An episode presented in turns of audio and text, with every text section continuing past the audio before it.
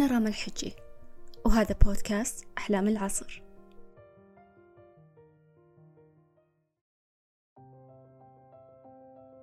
يا أهلا وسهلا.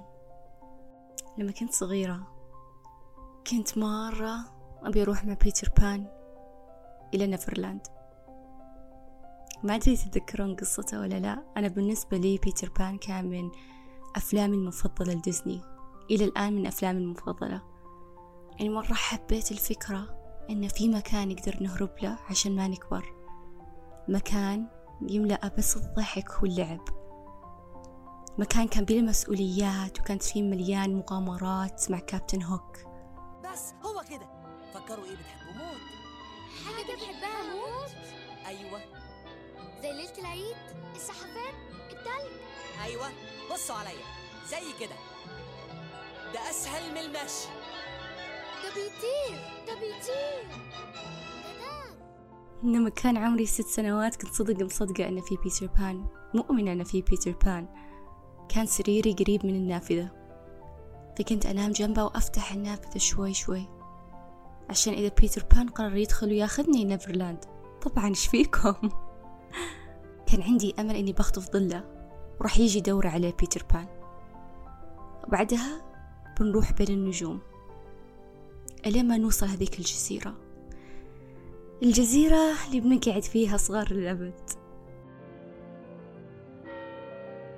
هي دي يا ويندي. تاني نجمة على اليمين وطوالي للصبح.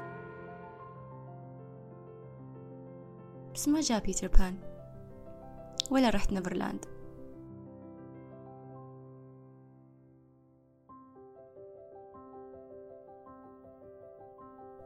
فجأة كبرنا. كبرنا وتركنا الحصالة اللي خبأناها تحت سريرنا. كبرنا وصرنا نقفل النافذة. إننا نعرف بيتر بان مو بجاي اليوم. كبرنا وفجأة صار النوم جائزة وليس عقاب لنا.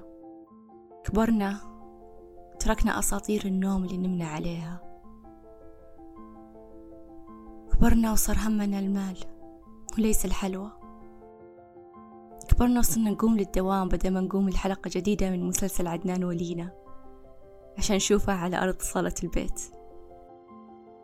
بعض ما أفكر أحس شي غريب إن آخر مرة هذه الأمور صارت. ما كنا ندري إنها آخر مرة. آخر مرة لعبنا في حديقة المنزل ما كنا ندري إنها آخر مرة. آخر مرة قمنا بحماس وفتحنا تلفزيون ما كنا ندري إنها آخر مرة. آخر مرة أخذنا العيدية وحطيناها بالحصالة ما كنا ندري إنها آخر مرة. متى كبرنا؟ دايم يقولون لي إن فيك طفل مدفون.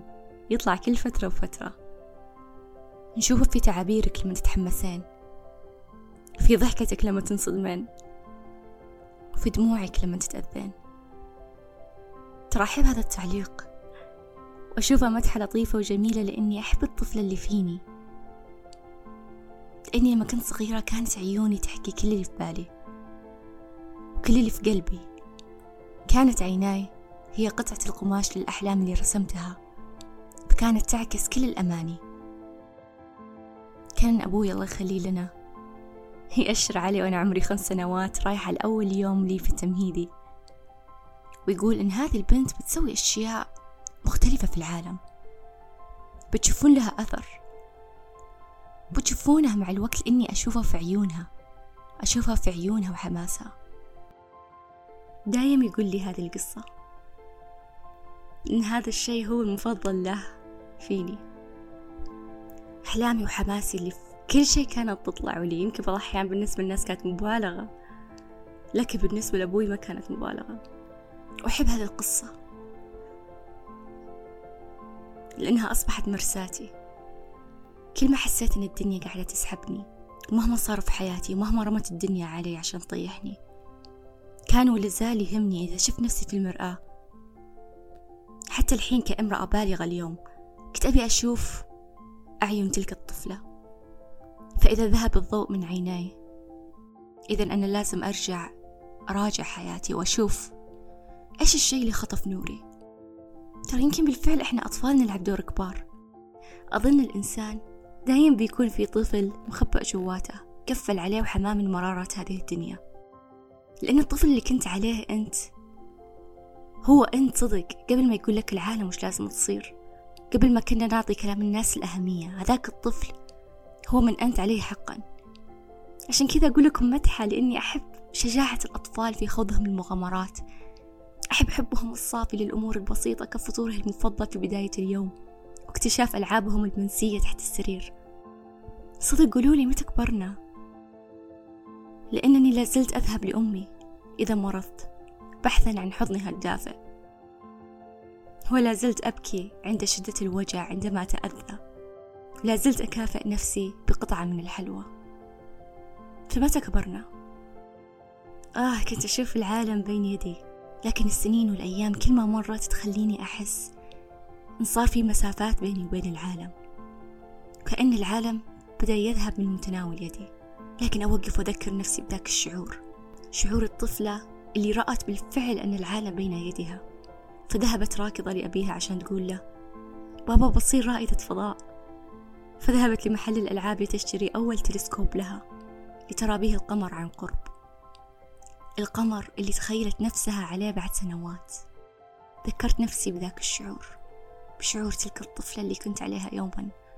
وبسهولة ترى أرجع لذيك الطفلة بلحظات لما أشم ريحة الألوان اللي تطلع أول ما نفتح علبة المغلقة بإحكام.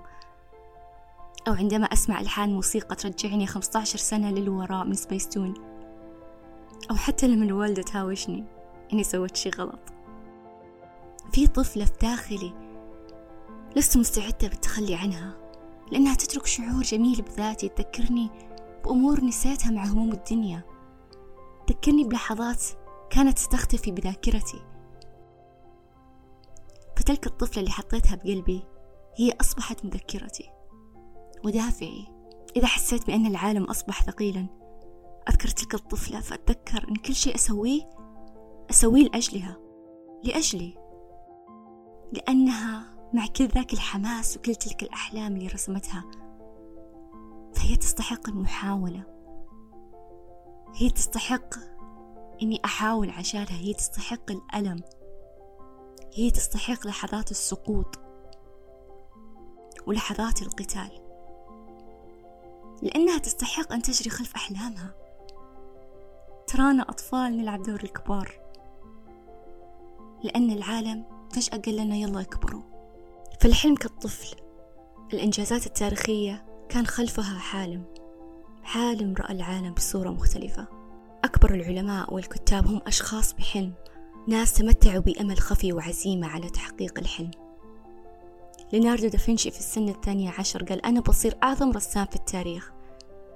مرت السنوات وأصبح بالفعل من أعظم رسام على مر الزمن. في عام 1970 ميلادي طفل أرجنتيني في حارة متواضعة سأله ماذا تتمنى؟ هذا الطفل كانت له أحلام واضحة. رسمها في مخيلته وشافها بين يداه الصغيرة. قال أريد أن ألعب مع منتخب الأرجنتين وأبي أحقق معهم كأس العالم وأبي أكون أحسن لاعب. مرت ستة عشر عاما وهذا الطفل كبر وقاد منتخب الأرجنتين للفوز بكأس العالم تحت قيادته. هذا الطفل هو دييغو مارادونا. في بلدة أخرى كان في طفل في الصف الرابع ابتدائي. قال لي أستاذة طموحي أن أعمل رئيسا لأعظم قوة على الأرض. فضحك التلاميذ والأستاذ سخرية من هذا الطفل طفل الأرملة الفقيرة. قالوا له كن واقعي. مرت ستة وثلاثين عاما وهذا الطفل هو بيل كلينتون. الذي أصبح رئيسا رقم 42 للولايات المتحدة. لا تستهين بقوة تخيل الأطفال لا تستهين بقوة تخيلك أنت. خلك مو بواقعي زي ذاك الطفل اللي كنت عليه يوم الأيام. لأن أصحاب العظمة والإنجازات العظيمة ترى غالبا ما كانوا واقعيين. إذا نقول لي ليش نكبر؟ حافظ على عفويتك على ضحكتك اللي تطلع بالأوقات الغريبة. على مخيلتك اللي عاشت مئات من القصص بيوم واحد وعلى حماسك للفرص الجديدة. كن الطفل في بعض من لمسات في شخصيتك وبالغ في بعض اللمسات الأخرى. فكن حالما وحكيما. كن جريء وطيب.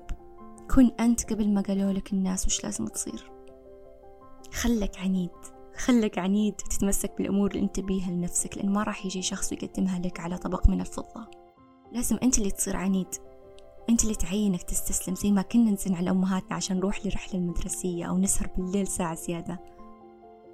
خذ ذاك العناد وحطه في أحلامك وأهدافك. تخيل كيف بتصير. لو تمسكنا رغم الرفض المستمر أو الفشل أو السقوط لو تخيلنا العالم بطريقة مختلفة لو شفنا الأمور من زاوية مختلفة تخيل الشعور إذا وصلنا أخيرا. إنك تقول للطفل اللي كنت عليه أول تراني وصلت. الأحلام تتغير والشخصيات تتغير بس في أمور سمات جميلة. حلو إنك تتمسك فيها. إنها تعبر عنك لأنها حقيقتك. فقولولي متى كبرنا؟